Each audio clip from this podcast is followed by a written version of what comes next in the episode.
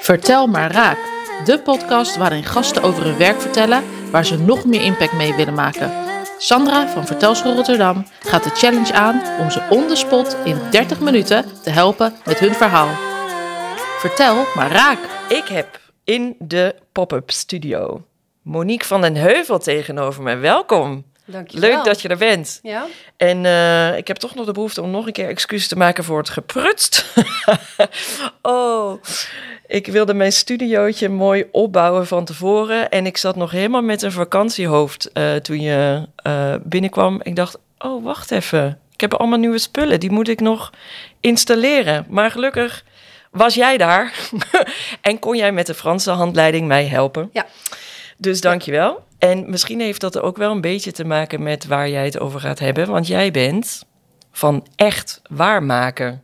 Zeker. Ja, ik ben van echt waarmaken. Ja, Ja. en ja. voor, ik interpreteer dat ook met de, het echt waarmaken. Dat het ook echt gebeurt en Ja. dat je er ook echt mee geholpen bent. ja, precies. ja, Ja, en so you did.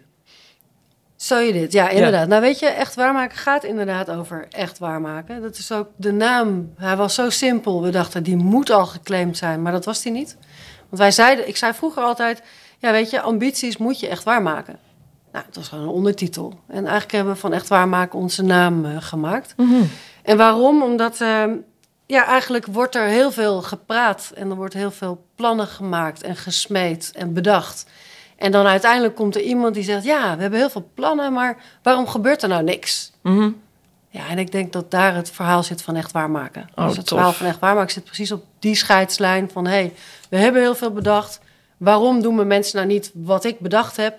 Ja, er zit namelijk iets tussen, dat noemen ze implementeren. Ja, En dat is eigenlijk een veranderproces. Die gaat over cultuur en structuur, over hard en zacht, hoe je het ook wil noemen.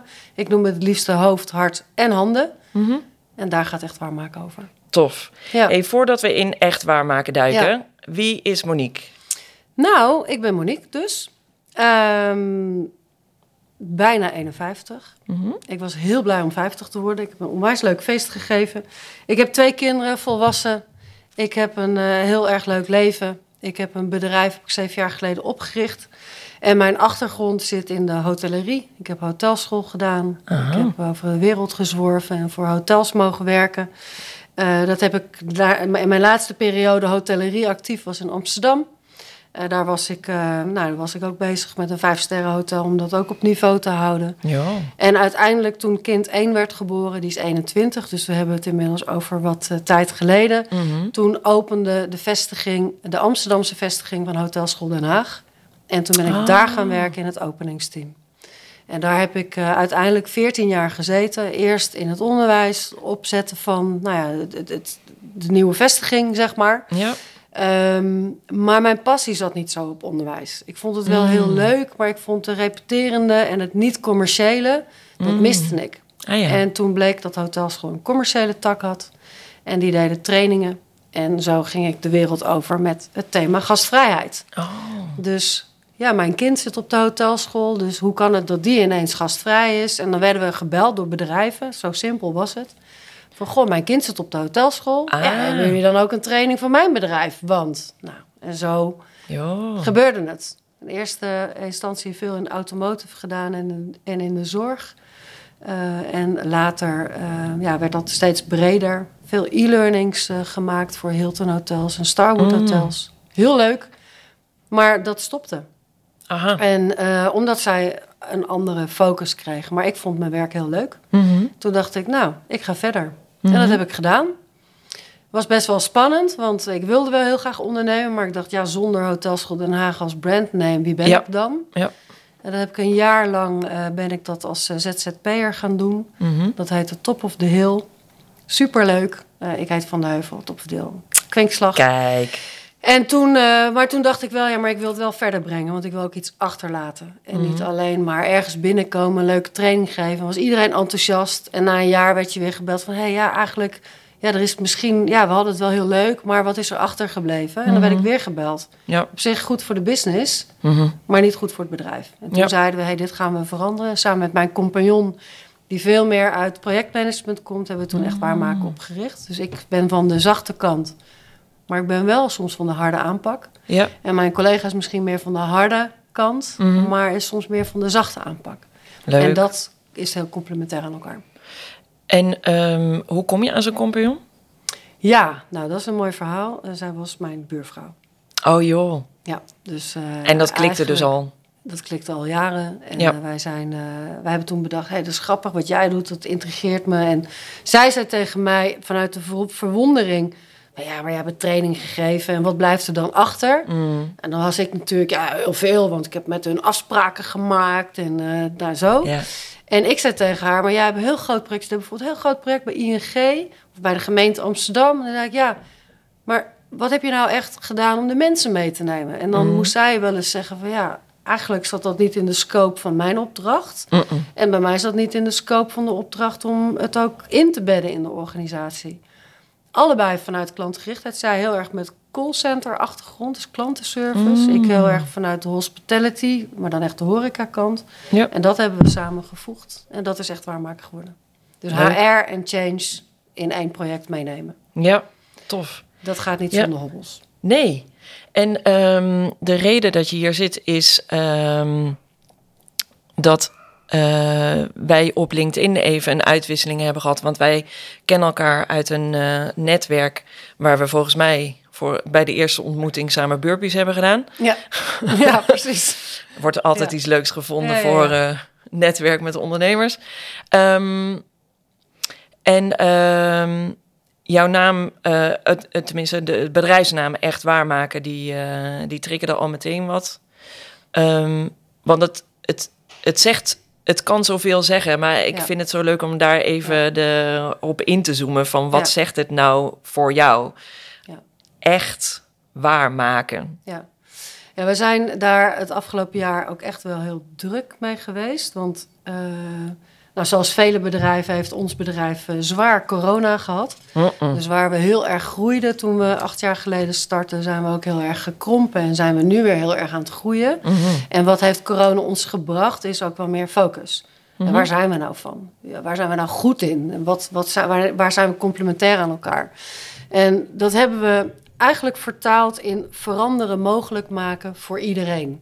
Oké, En wellicht een beetje leuker. oké. En waarom zeggen we dat? Eh, nogmaals, hè, vanuit, vanuit eh, veranderen zeggen we ah, moeilijk, eh, langdurig, ingewikkeld, lukt toch nooit. Ja. En ik geloof erin dat in de privéomgeving ben je heel erg in staat om te veranderen. Weet je, als je kind naar de middelbare school gaat, pas je schema aan. Of als je Hmm. een nieuwe telefoon gaat, eh, krijgt, dan, ja, dan moet je even priegelen. En dat, daar heb je wat aandacht voor nodig. Maar dan lukt het heus wel. Ja. Ehm, dus veranderen is eigenlijk van alle dag. Alleen als het over bedrijfsmatig veranderen gaat, dan wordt het ineens heel moeilijk. Mhm. En dan maken we het ook moeilijk. Terwijl ik denk dat een olifant kun je niet in één keer eten. Mhm. Die moet je in stukjes hakken. En die stukjes moet je afmaken en dan ga je naar het volgende stukje. Mhm. En zo kijken wij ook naar veranderen. Dus maak het gewoon kleiner, maar vertaal het ook naar de praktijk. En dat noemen we dus echt waarmaken. Dus waar de plannen gemaakt zijn, waar ik helemaal niet zo goed in ben om grote plannen op papier te schrijven. Mhm. Waar wij wel goed in zijn, is om met die plannen die er toch al zijn, Ja, ja. om die vertaling te maken naar de praktijk. Ja. En waar wij op aanhaakten op LinkedIn, was dat jij had het over eh, eh, autonome Ja, motivatie. motivatie. Ja, Niet intrinsieke motivatie, maar autonome motivatie. ja. En toen dacht ik, ja, daar vind ik wat van. Maar hoe krijg ik dat over het voetlicht? Aha. En ehm, wat mij drijft om dit werk te doen, is dat eh, ik zat laatst een keer in een overleg. En toen ging het over een nou, groot bedrijf. En eh, die mensen, het, zij praten over die mensen. Mhm. En die mensen zitten in de operatie. Die doen eigenlijk jouw werk. Of het nou pakjes schuiven is, bagage inpakken is, eh, eerste contact met de mensen is, de schoonmaak is. Mhm. Daar wordt over gepraat alsof het door management, alsof het een hele andere groep is. Waar Ja, je voor moet zorgen of waar je iets voor moet bedenken. Terwijl mijn, mijn geloof is dat deze mensen het heel goed zelf weten. Mhm. En ik geloof er dus in dat je de mensen moet inzetten op hun kracht en op hun kwaliteiten. Mhm. En dat die er gewoon is. Alleen je moet niet praten alsof het twee verschillende werelden zijn. Want het is namelijk één wereld. En de enige reden dat jij als manager of als bedrijf of CEO of bestuurder er mag zijn, is dat deze mensen, gewoon jij, mijn zoon, mijn dochter, mijn nicht, mijn neef, die mensen die, die doen het werk. En dat zijn dus niet die mensen, dat zijn namelijk wij. Ja. En dat irriteert me en dat intrigeert me. Mhm. Dus ik loop bijvoorbeeld soms mee met schoonmaak. En dan denk ik, ja, echt vet wat die mensen doen. Ja. Superleuk, super interessant. En zoveel kennis. En er wordt zo weinig naar geluisterd. En dat, dat thema, dat is echt een, dat komt uit je tenen. Dat komt heel erg uit mijn tenen. Ja. Weet, je- weet je waar dat vandaan komt? Ja, dat heeft eh, wel wat. eh, ja, dat heeft een achtergrond. Eigenlijk pas toen ik daar later over na ging denken. Mhm. Ik ben zelf, eh, ik heb zelf eh, ooit HAVO eh, gedaan. En na de HAVO, het is misschien heel gek als je dat in deze tijd plaatst, gingen wij met ongeveer, een grote scholengemeenschap, gingen we met ongeveer twaalf mensen naar de middelbare hotelschool. En niemand ging naar de hoge hotelschool. Ehm, dat heb ik ook gedaan. Ook mijn ouders die zeiden, joh, maar je moet het in de praktijk leren. En als je hard werkt, dan kom je er wel. En het had een andere... Ja, hoge hotelschool was echt wel van... Oh, dat kostte veel geld. En dan moest je intern. En ik was de eerste in de familie... Die, ik heb een grote familie die echt een HAVO deed. Mhm. Dus dat was even zoeken voor iedereen. Wat ga je nou doen? Dus een mbo was een veilige, veilige haven. Ik heb het onwijs leuk gehad. Maar ben ik nou echt... Ja, heb ik, op dat moment heb ik gewoon heel veel andere dingen kunnen doen eh, erbij. Wat, wat heel leuk was. Ik ben nu 51 bijna, zoals ik zei. En tot op de dag van vandaag ben ik mezelf aan het verdedigen dat ik een mbo heb. Oh. En dat is niet goed, want het slaat nergens op. Nee. En ik weet het, rationeel weet ik het, maar Ja. in mijn gevoel Ja. voelt het lastig. Ik, omge ik om, ben omgeven door een wereld waar eh, veel HBO en WO afgestudeerden zitten. Mhm. Ik praat mee op alle niveaus eh, in de organisatie. Mhm. En toch, eh, toen het corona was en ik dacht, ja, misschien moet ik gaan solliciteren. En dan zie je de criteria en dan denk ik, ja, maar ik heb geen HBO. Ja, ik heb een post-HBO en ik heb nog dit en ik heb dat en dat. Ja. Maar dat heb ik niet. En dat is eigenlijk iets wat heel erg mis is in mijn ogen in de maatschappij. Want het gaat over mij, het gaat over mijn kwaliteiten. Ja. Het gaat niet per se over het papiertje waar ik 30 jaar geleden ben, mee ben afgestudeerd. ja, maar het is een kwalificatie die Ja. jou geen recht doet. Vind ik, ja. Ehm, En bij jou is het zo gelopen dat je misschien vanuit de HAVO... ehm, natuurlijk prima terecht had gekund op die hoge hotelschool. Maar dat Kijk, was in ik- die ik- setting niet... Ik ben geen wetenschapper en ik ga ook nooit naar... Want dat is echt, daar geloof ik echt in. Die hebben we nodig. Dat zijn mensen die dat ook echt kunnen. Mhm. Ik heb twee kinderen. Eén doet WO, de andere doet HBO. Mhm. En deze HBO, deze HBO'er die zegt... Oh man, pff, nou, ik stop er echt mee, jongen. Ik ga echt niet nog meer onderzoek doen. Dat is niet mijn ding. Ik wil naar de praktijk. Mhm. En ik geloof er dus in dat er op alle niveaus van alles is. Maar dat die kwalificatie, zeker als je wat ouder bent, er niet meer zo toe doet. Ja. En dat als jij eh, in de schoonmaak werkt, in de beveiliging werkt, maar met volle passie je werk doet, Mhm. dat is juist super waardevol. Mhm. Dus die intrinsieke motivatie, dat veranderen, dat veranderen vanuit een boardroom bedacht, dat is Ja. ook belangrijk. Mhm. Alleen maak wel de aansluiting dat wat jij vertelt, de grafieken die je laat zien, van oh, we moeten hier scoren, want de NPS moet omhoog of de efficiency moet Ja. Ja, dan staan die jongens naar je te kijken. Ik heb laatst iets gedaan met eh, vakkrachten uit een eh, woningbouwcorporatie. Die zeggen, ja Monique, dan komen ze weer met al die staatjes. Ja, ik begrijp het eigenlijk helemaal niet. Mhm. En ik ben dan bij machten om met en de vakkracht te praten. Maar ook met die directeur om te zeggen, joh, maar je taal Ja. slaat niet aan. Ja. Want daar ben ik direct genoeg voor. ja, precies. Maar ook, ehm, ja, hoe noem je dat? Flexibel. Ja, En ehm, je ziet dat het nodig is om die ondertiteling of de vertaalslag... of hoe je het dan ook eh, noemt in jouw woorden... ja, Uh, Ja. Maar dat is de, de, de, wat er uit je tenen komt, wat ik zo terughoor, is... ehm, ieder heeft op zijn manier eh, zijn, zijn talent, zijn kracht, zijn eh, passie. Dat En- zeg je ook goed. Want eigenlijk zeg je nu al iets heel belangrijks. Aan woorden doen ertoe. Hè? Mhm. Daar hebben we het wel eens eerder over gehad. Dus Ja. jij zegt ieder op zijn manier. Ja, En je zegt niet ieder op zijn niveau. nee, speciaal niet. de omdat meeste die, mensen zeggen dat. Ja, precies. Omdat die kwalificatie Ja. Ehm, die rangorde die daaraan zit, of de Ja. st- status of wat dan ook, dat Ja. hoor ik bij jou echt, dat is een no-go area voor jou, zeg maar. Dus dat, Ja, zolang we het hebben over hoger beroepsonderwijs en middelbaar beroepsonderwijs of Mhm. lager beroepsonderwijs, zijn we niet goed bezig. mm, Hè, want hoger impliceert dat het beter is. Ja. Het is namelijk wat we doen in onze hersenen. Het is gewoon een neurologische ja. beïnvloeding. Heb jij dan iets, want eh, ik heb een beetje aan de zijlijn die discussie van eh, je moet het eh, praktijk opgeleid en Ja. wat is dat andere ook weer?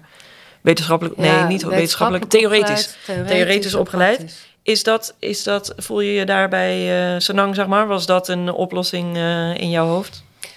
Ik weet het niet. Mm. Ik weet het niet. Ik denk dat, er, dat daar in de basis nog heel veel aan te, aan Ja. te schaven is. En Ja. dat, ik weet ook niet precies wat het goede is. Dat je, het begint natuurlijk al met middelbare of met de lage school. Dat kinderen natuurlijk al die hele discussie nu over heel vroeg toetsen. Ja. En wat dat doet met die kinderen. En dat ze dus het idee hebben, oh, ik moet wel daarbij, want. Mhm.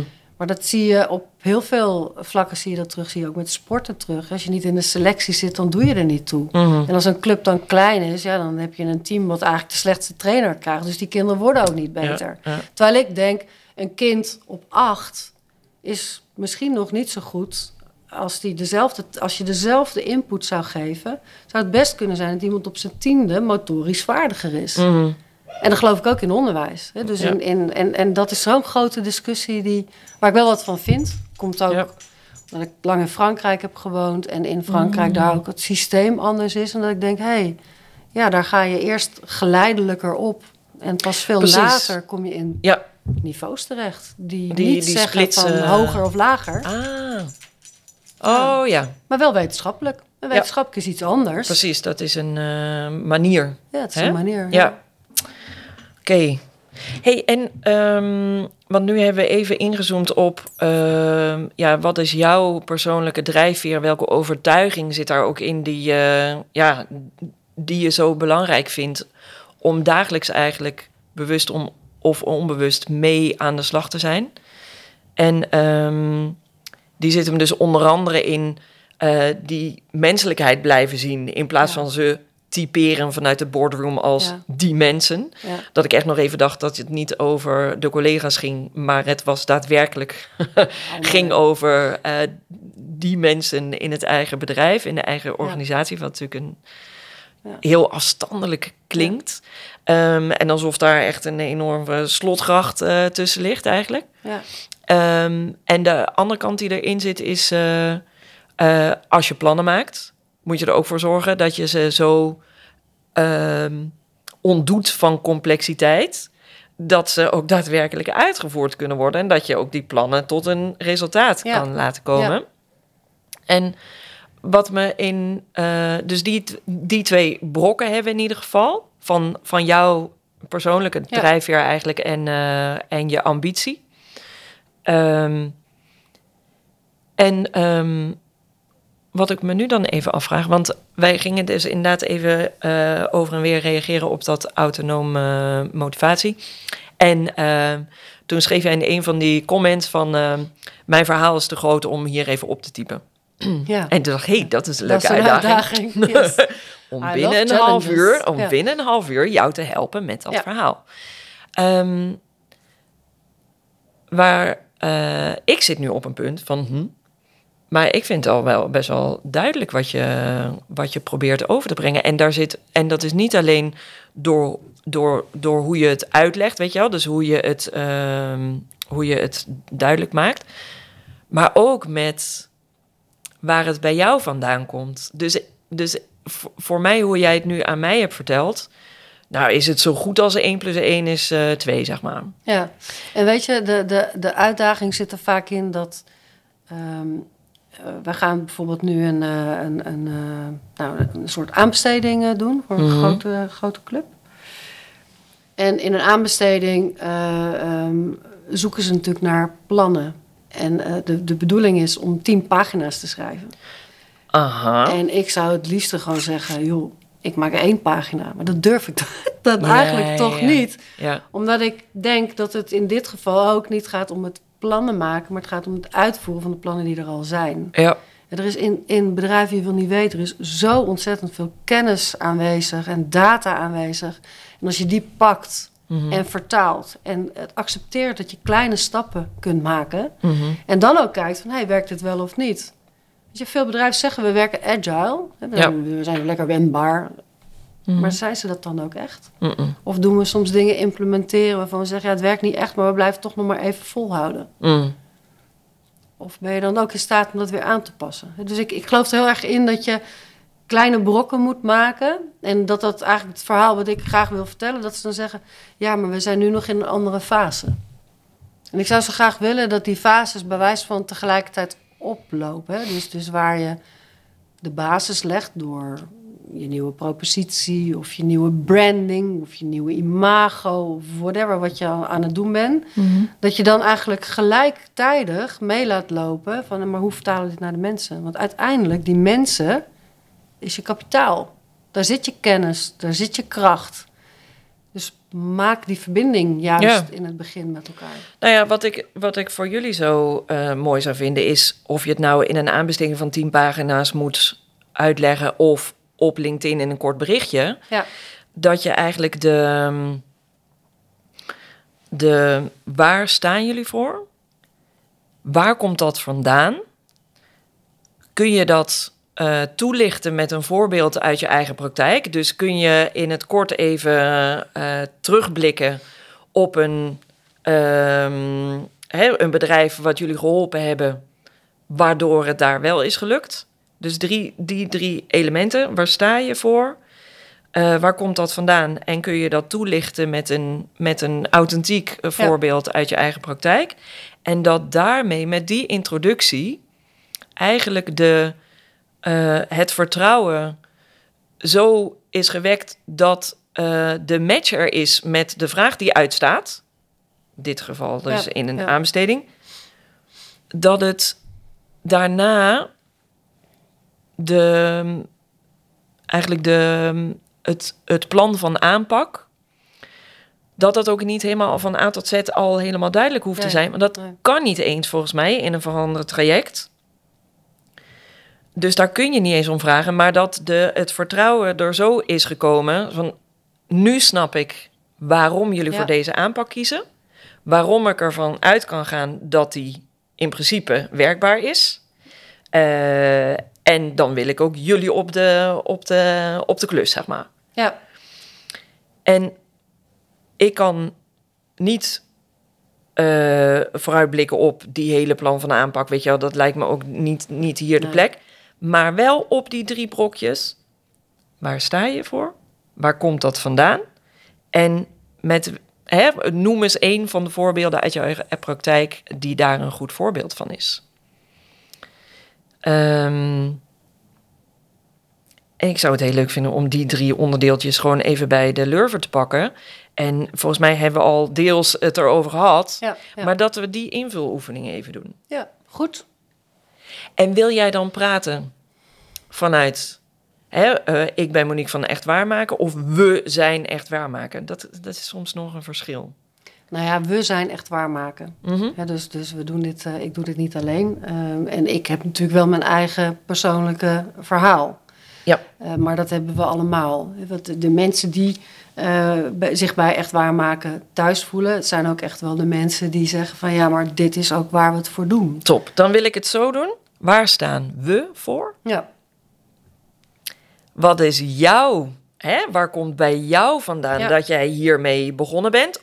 En de anderen kunnen inderdaad, en waarom ben ik daarop aangehaakt? Maar jij bent het Ja. mede begonnen. ja, Eh, en dan mag jij ook eh, vanuit jouw eh, hè, eh, blik, zeg maar, van, oh, dan wil ik even dit voorbeeld erbij noemen. ja, Ja? dat is goed. Oké, beginnen we bij waar staan we voor? Nou, we staan dus voor veranderen mogelijk maken voor iedereen en leuker. Ja. Oké, en dan, want dit is een woehoe, dit is Ja, een mooie one-liner. Ja. En wat mij nou zo tof lijkt, Ja. wat bedoel je met voor iedereen? Nou, voor alle lagen in je organisatie. Dus dat een verandertraject eh, ook de operationali eh, operationaliseringsslag meeneemt. Het gaat niet alleen over strategie en tactiek. De generaal die op oorlog gestuurd wordt, die is van het grote verhaal. Hé, wat, wat gaan we doen? Wat is ons doel? Mhm. De luitenant moet ervoor zorgen dat de manschappen geregeld worden en de barakken, et cetera. Maar de soldaten moeten het uiteindelijk doen. En daar zit, dat zijn drie verschillende verhalen die best in één concept passen. Mhm. Maar alle drie de lagen moeten het begrijpen en moeten weten wat het gezamenlijk belang is. Ja, en wat ze zelf moeten doen om daaraan bij te dragen. Ja, dus Ja. dat is de, hè, waar je het in het begin over had van... eh, kom nou niet de hele tijd met die staafdiagrammen. Ja, Want daarvan zeggen de eh, schoonmakers en beveiligers... Die, ik, ik begrijp het eigenlijk niet. nee. Oké, mooi. Ehm, en leuker, dat is een zo van... dat kan in de slipstream. Waar zien we dat in terug? Dat het leuker Nou kan ja, worden? Dat, dat, dat je eh, dingen niet allemaal zo zwaar aanzet. Weet je, je, je hebt echt wel een beetje humor nodig. Weet je, mensen, mensen die worden niet warm van als iemand zegt... nou, we gaan een verandertraject in. Oh ja, kijk, we weten natuurlijk dat dat meestal niet lukt... of dat dat zeven jaar duurt voordat er iets blijft hangen. Ja, ja, ja. Oh ja, Is nou niet ja, leuk. Dat, nee, daar lek je energie wel behoorlijk Nee. weg. Ja. Kijk, stel je voor je gaat eh, samenwonen met je nieuwe liefde. Ja, Dat kan, hè? ja. kan je heel zwaar maken. Van ja, ja, god, ik woon al heel lang in dit huis. En het is mijn huis en het zijn mijn spullen en ik moet allemaal... Nee, Mm. je gaat samenwonen met een nieuwe liefde en dan geef je ruimte aan. En als je daar ruimte aan geeft, dan ga je dat ook als een avontuur zien. Je moet ruimte geven. En waarom doen we dit? Ja, dit doen we ook omdat we samen verder willen. Ja. En heel veel bedrijven die maken een verandertraject als een verandertraject. De Mm. change, zeggen ze dan wel. Dan zeg ik wel eens, ja, waar gaat het eigenlijk over? Ja, we krijgen een nieuw eh, computersysteem. Ja, dat is meegemaakt een schoonmaakbedrijf. Ja, Ik zeg, goh, wat interessant eigenlijk. Ik zeg, maar wat betekent dat dan voor jouw werk? Ja, we moeten allemaal dingen, nieuwe processen leren en zo. En eh, het gaat allemaal anders. Ik zeg, nou, het lijkt me dan belangrijk dat je in die periode dat die omslag is... dat je in ieder geval je agenda schoonveegt twee weken. Begin daar eens mee. Schoonvegen twee weken. Want die twee weken heb jij aandacht voor jouw medewerkers. Wat moeten we doen? En hoe zorgen we dat er ook tijd is om te leren? Want dat is Ja. het. Tijd Ja. maken om te leren. Maak Ja. dat je tijd hebt om te innoveren. Mooi. Ehm, waar komt bij jou vandaan dat je hier dag in dag uit voor wil werken? Ja, eh, ik vind het echt onwijs tof. eh, als, eh, ik hou van weerstand. Dat is een beetje gek. Maar ik heb Mm. natuurlijk heel erg veel trainingen gegeven. En echt niet iedereen zat op mij te wachten. Nee, want die kregen gewoon een opdracht. Die zeiden, Ja. joh, joh, we hebben weer een gastvrijheidstraining. Oh nee, niet weer, weet je dat. En hij is verplicht. En hij is verplicht. En, en dan, nou ja, en dan, dan kwam ik weer en dan dacht ik, ja, er, er gebeurt toch wel iets met deze mensen. Want waarom, waarom doen we dit eigenlijk op deze manier? En ehm, dus ik hou van weerstand. Dus ik heb eigenlijk altijd geprobeerd om te kijken, joh, weerstand, het mag er zijn. Er is echt wel 10% wat mij niet zo leuk vindt. Er is misschien 20% die zegt, oh, ik vind haar eigenlijk wel leuk. En we hebben dan nog 70% over. En eigenlijk die slipstream, die, die slipstream die is belangrijk. Dus als je het leuker maakt, dan vinden mensen het ook makkelijker om aan te haken. Ze zeggen, oh ja, er zit echt iets in. We hebben erover nagedacht. Het is niet allemaal zwaar en moeilijk. Nee, het levert ook iets op. Mhm. Je kan namelijk bij ons blijven werken omdat we gewoon een goede werkgever zijn. Of we voegen meer waarde toe voor onze klanten. Dat is belangrijk. We voegen meer waarde toe voor jou als werknemer. Want we willen dat jij het eh, eh, leuk hebt bij ons. En samenwerken wordt makkelijker. Dus dat zijn eigenlijk de drie resultaatgebieden. Terwijl je moet woest aantrekkelijk willen zijn. Mensen moeten een beetje verliefd op je willen worden. Ja, dat is wel heel leuk. Want eh, jij, de, de, de weerstand die, die lijkt, zo komt het erover. Want jij, ja, dat ziet de luisteraar niet, maar jouw oogjes gaan steeds harder glimmen. Eh, Ik zal zo een foto maken. ja, ja, precies. ja, ja. Oh, dat moeten we echt doen. Ehm, maar dat, de, dat je het volgens mij ook echt die weerstand juist zo heerlijk vindt om hem te kunnen eh, ombuigen, toch? Dat ja, het- maar weet je, ik hou ook van, eh, van alle tegeltjeswijsheden. Want zonder eh, wrijving geen glans. Mm. Dat is weerstand. Mm, mm. Als er geen weerstand is, gaat er niks gebeuren. Ik was gisteren, heb ik een voorbeeld bij. Ik was gisteren, ik heb eh, veldwerk gedaan. Zo noem ik dat. Ik heb ooit een, een opleiding gedaan, corporate antropologie. Oh ja. Veldwerk gaat over meelopen. Dat deed ik bij een schoonmaakbedrijf. Mhm. gisteren heb ik de terugkoppeling gedaan, wat ik allemaal heb gezien en heb ervaren. En dat heb ik terugkoppeling gedaan aan objectleiders. En toen was natuurlijk een van de reacties, ja, het is niet, dat is niet nieuw. Ik zei, nee, gelukkig maar. Want stel je voor dat het nieuw is, dan moet je heel veel doen. Ja, ja, ja. Dus natuurlijk is het niet nieuw. Alleen ik ben er maar een dag en ik leg eigenlijk de de- mijn vinger op een aantal pijnlijke plekken waarvan je weet, ja, dat moeten we natuurlijk wel aanpakken, maar ja. Mm. En dat doe ik. En daarmee krijg je beweging. Ik geef vertrouwen en veiligheid om te kunnen bewegen in die. Ik neem ze ook serieus. Ik beoordeel niemand. Mhm. Tuurlijk ontstaan er patronen als je ergens lang werkt. Tuurlijk. Mhm. Dus ik maak niemand, ik veroordeel niemand erop. Maar ik probeer daar juist begrip en ruimte voor te geven. Maar ook te zeggen, ja, laten we eerlijk zijn met elkaar. We moeten wel een beetje anders, toch? Mhm. En dan zegt ze, ja, eigenlijk wel. Nou, dan gaan we daarop verder. Ja. Dat is het voorbeeld erbij. Van gisteren. Ja, ja, precies. Eh, kun je ook nog een voorbeeld geven? Dat zou ik dan helemaal fijn vinden. Waarin je een traject al hebt afgerond.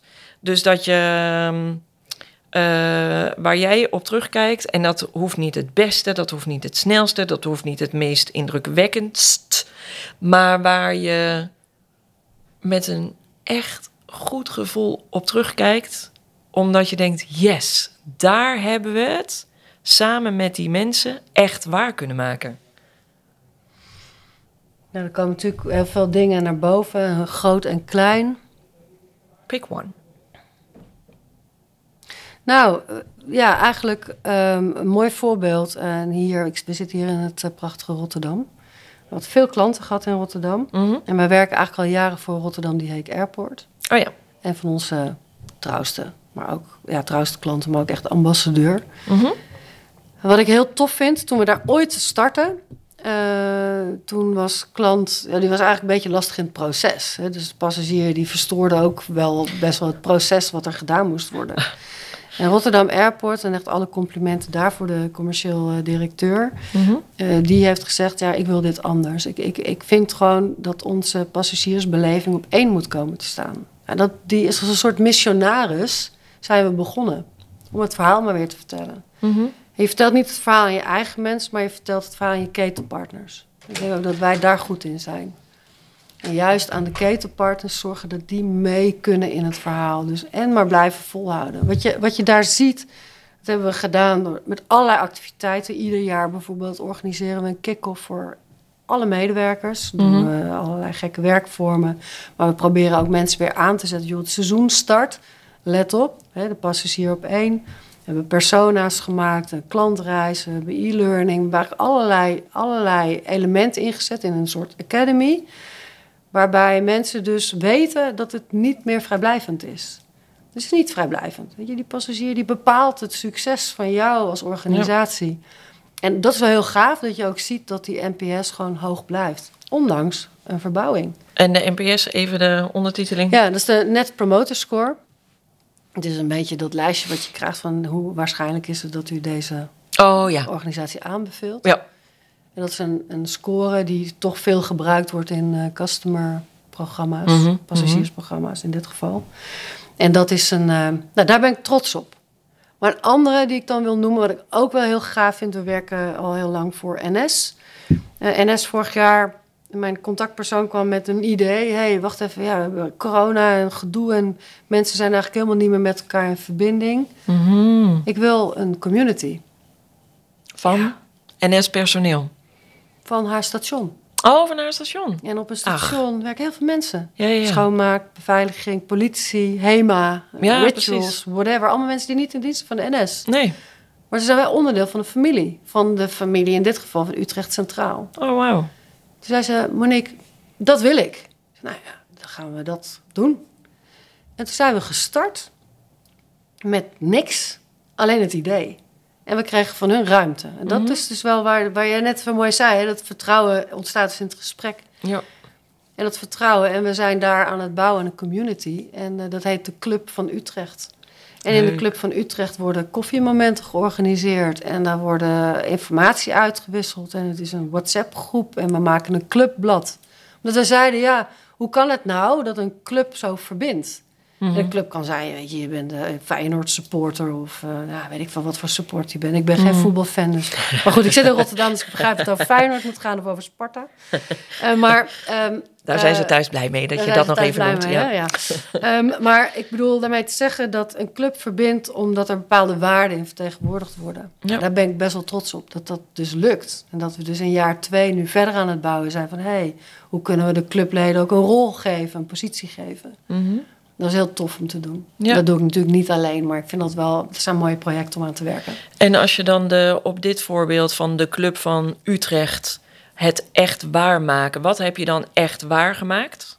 Meningen opgehaald, dialoog gevoerd, mensen laten bedenken wat een club moet zijn en op mhm. basis daarvan de contouren gemaakt. Mm. En die contouren die bestaat eigenlijk, en daar zit een linkje naar de vertelschool, zit in verhalen. Ja, ja. En die verhalen vertellen we en die laten we vertellen door een clubblad, bijvoorbeeld. Ja. En de verbinding waarom gevraagd werd, ja, is ontstaat dus. De million dollar question is die is, is ja, en we zijn er nog lang niet. Dat is ook goed. dus uh, ik heb van de week toevallig de, hun uh, programmaleider uh, gesproken, Sultan. En die zei, ja Monique, mijn doel is om dit jaar 101 actieve leden te hebben. Ik zeg, zo? Mm. We hebben er nu, ja, 46. Mm -hmm. Maar 46 is echt veel. Dat is echt knap. Het zijn gewoon medewerkers. Het zijn niet managers die je kunt bereiken Precies. via mailing. Het zijn medewerkers. Super Super tof. Dus doel is 101. En we gaan de club ook hier in Rotterdam, de Club eh, Rotterdam Centraal oprichten. Yeah! Dus ja, hoe tof is dat? club 010. En ook daar is weer, weet je, het gaat over woest aantrekkelijk zijn. Want als je een club hebt waar je bij wil horen, ja. is het ook makkelijker om nieuwe mensen te vinden, toch? Precies. En mensen te houden. Dat lijkt me op zo'n... En mensen te we, houden. We zitten een beetje over de tijd. Dat is wel echt een, uh, gaan we zo een, een, een, dingetje uh, in deze podcast gebleken. Maar maakt niet uit. We keep on trying. ja, heel goed. Maar um, ja, mensen houden. Lijkt mij op zo'n station. Hè, dat is voor passagiers natuurlijk een, uh, een, uh, een, uh, een, een, een, een doorreis. Maar ja. lijkt mij op dat ja. soort winkeltjes en ja. dat, dat je daar ook eigenlijk nooit echt aankomt. Maar wellicht juist als je er een clubje van maakt wel. Nou ja, en, en ik denk ook dat, dat onze filosofie is wel... als je goed zorgt voor je medewerkers, zorgen zij goed voor je klanten. En natuurlijk is het een dooddoener. Iedereen zegt dat van Simon Sinek is. Maar in mijn ogen is het van Bill Marriott. Mm. Dat was vroeger een, eh, een mormoon overigens, ook wel weer mm. grappig. Maar die zei altijd... als ik goed zorg voor mijn medewerkers... zorgen zij goed voor de community. Want het ging verder dan alleen zijn gasten, ja. maar ook de community... En ik geloof daarin. Ik geloof dat dat het belangrijkste is. Wie het goed doet, dan ga ik weer een tegeltje de laatste uitsmijten. Wie goed doet, goed, goed ontmoet. ontmoet. Tof, dankjewel Monique. Vertel, maar raak. Jij bedankt voor het luisteren naar dit prachtige verhaal. En ik hoop dat je wat kon met de aanwijzingen en tips die ik deze keer gaf. Klik op volgen om de volgende podcast niet te missen. En bij voorbaat heel veel dank als je vijf sterren wil geven aan deze podcast. Laat het me weten als jij zelf een keer te gast wil zijn of als je iemand kent voor deze podcast. Ga daarvoor naar www.vertelschoolrotterdam.nl slash podcast. En heel graag tot het volgende verhaal met impact.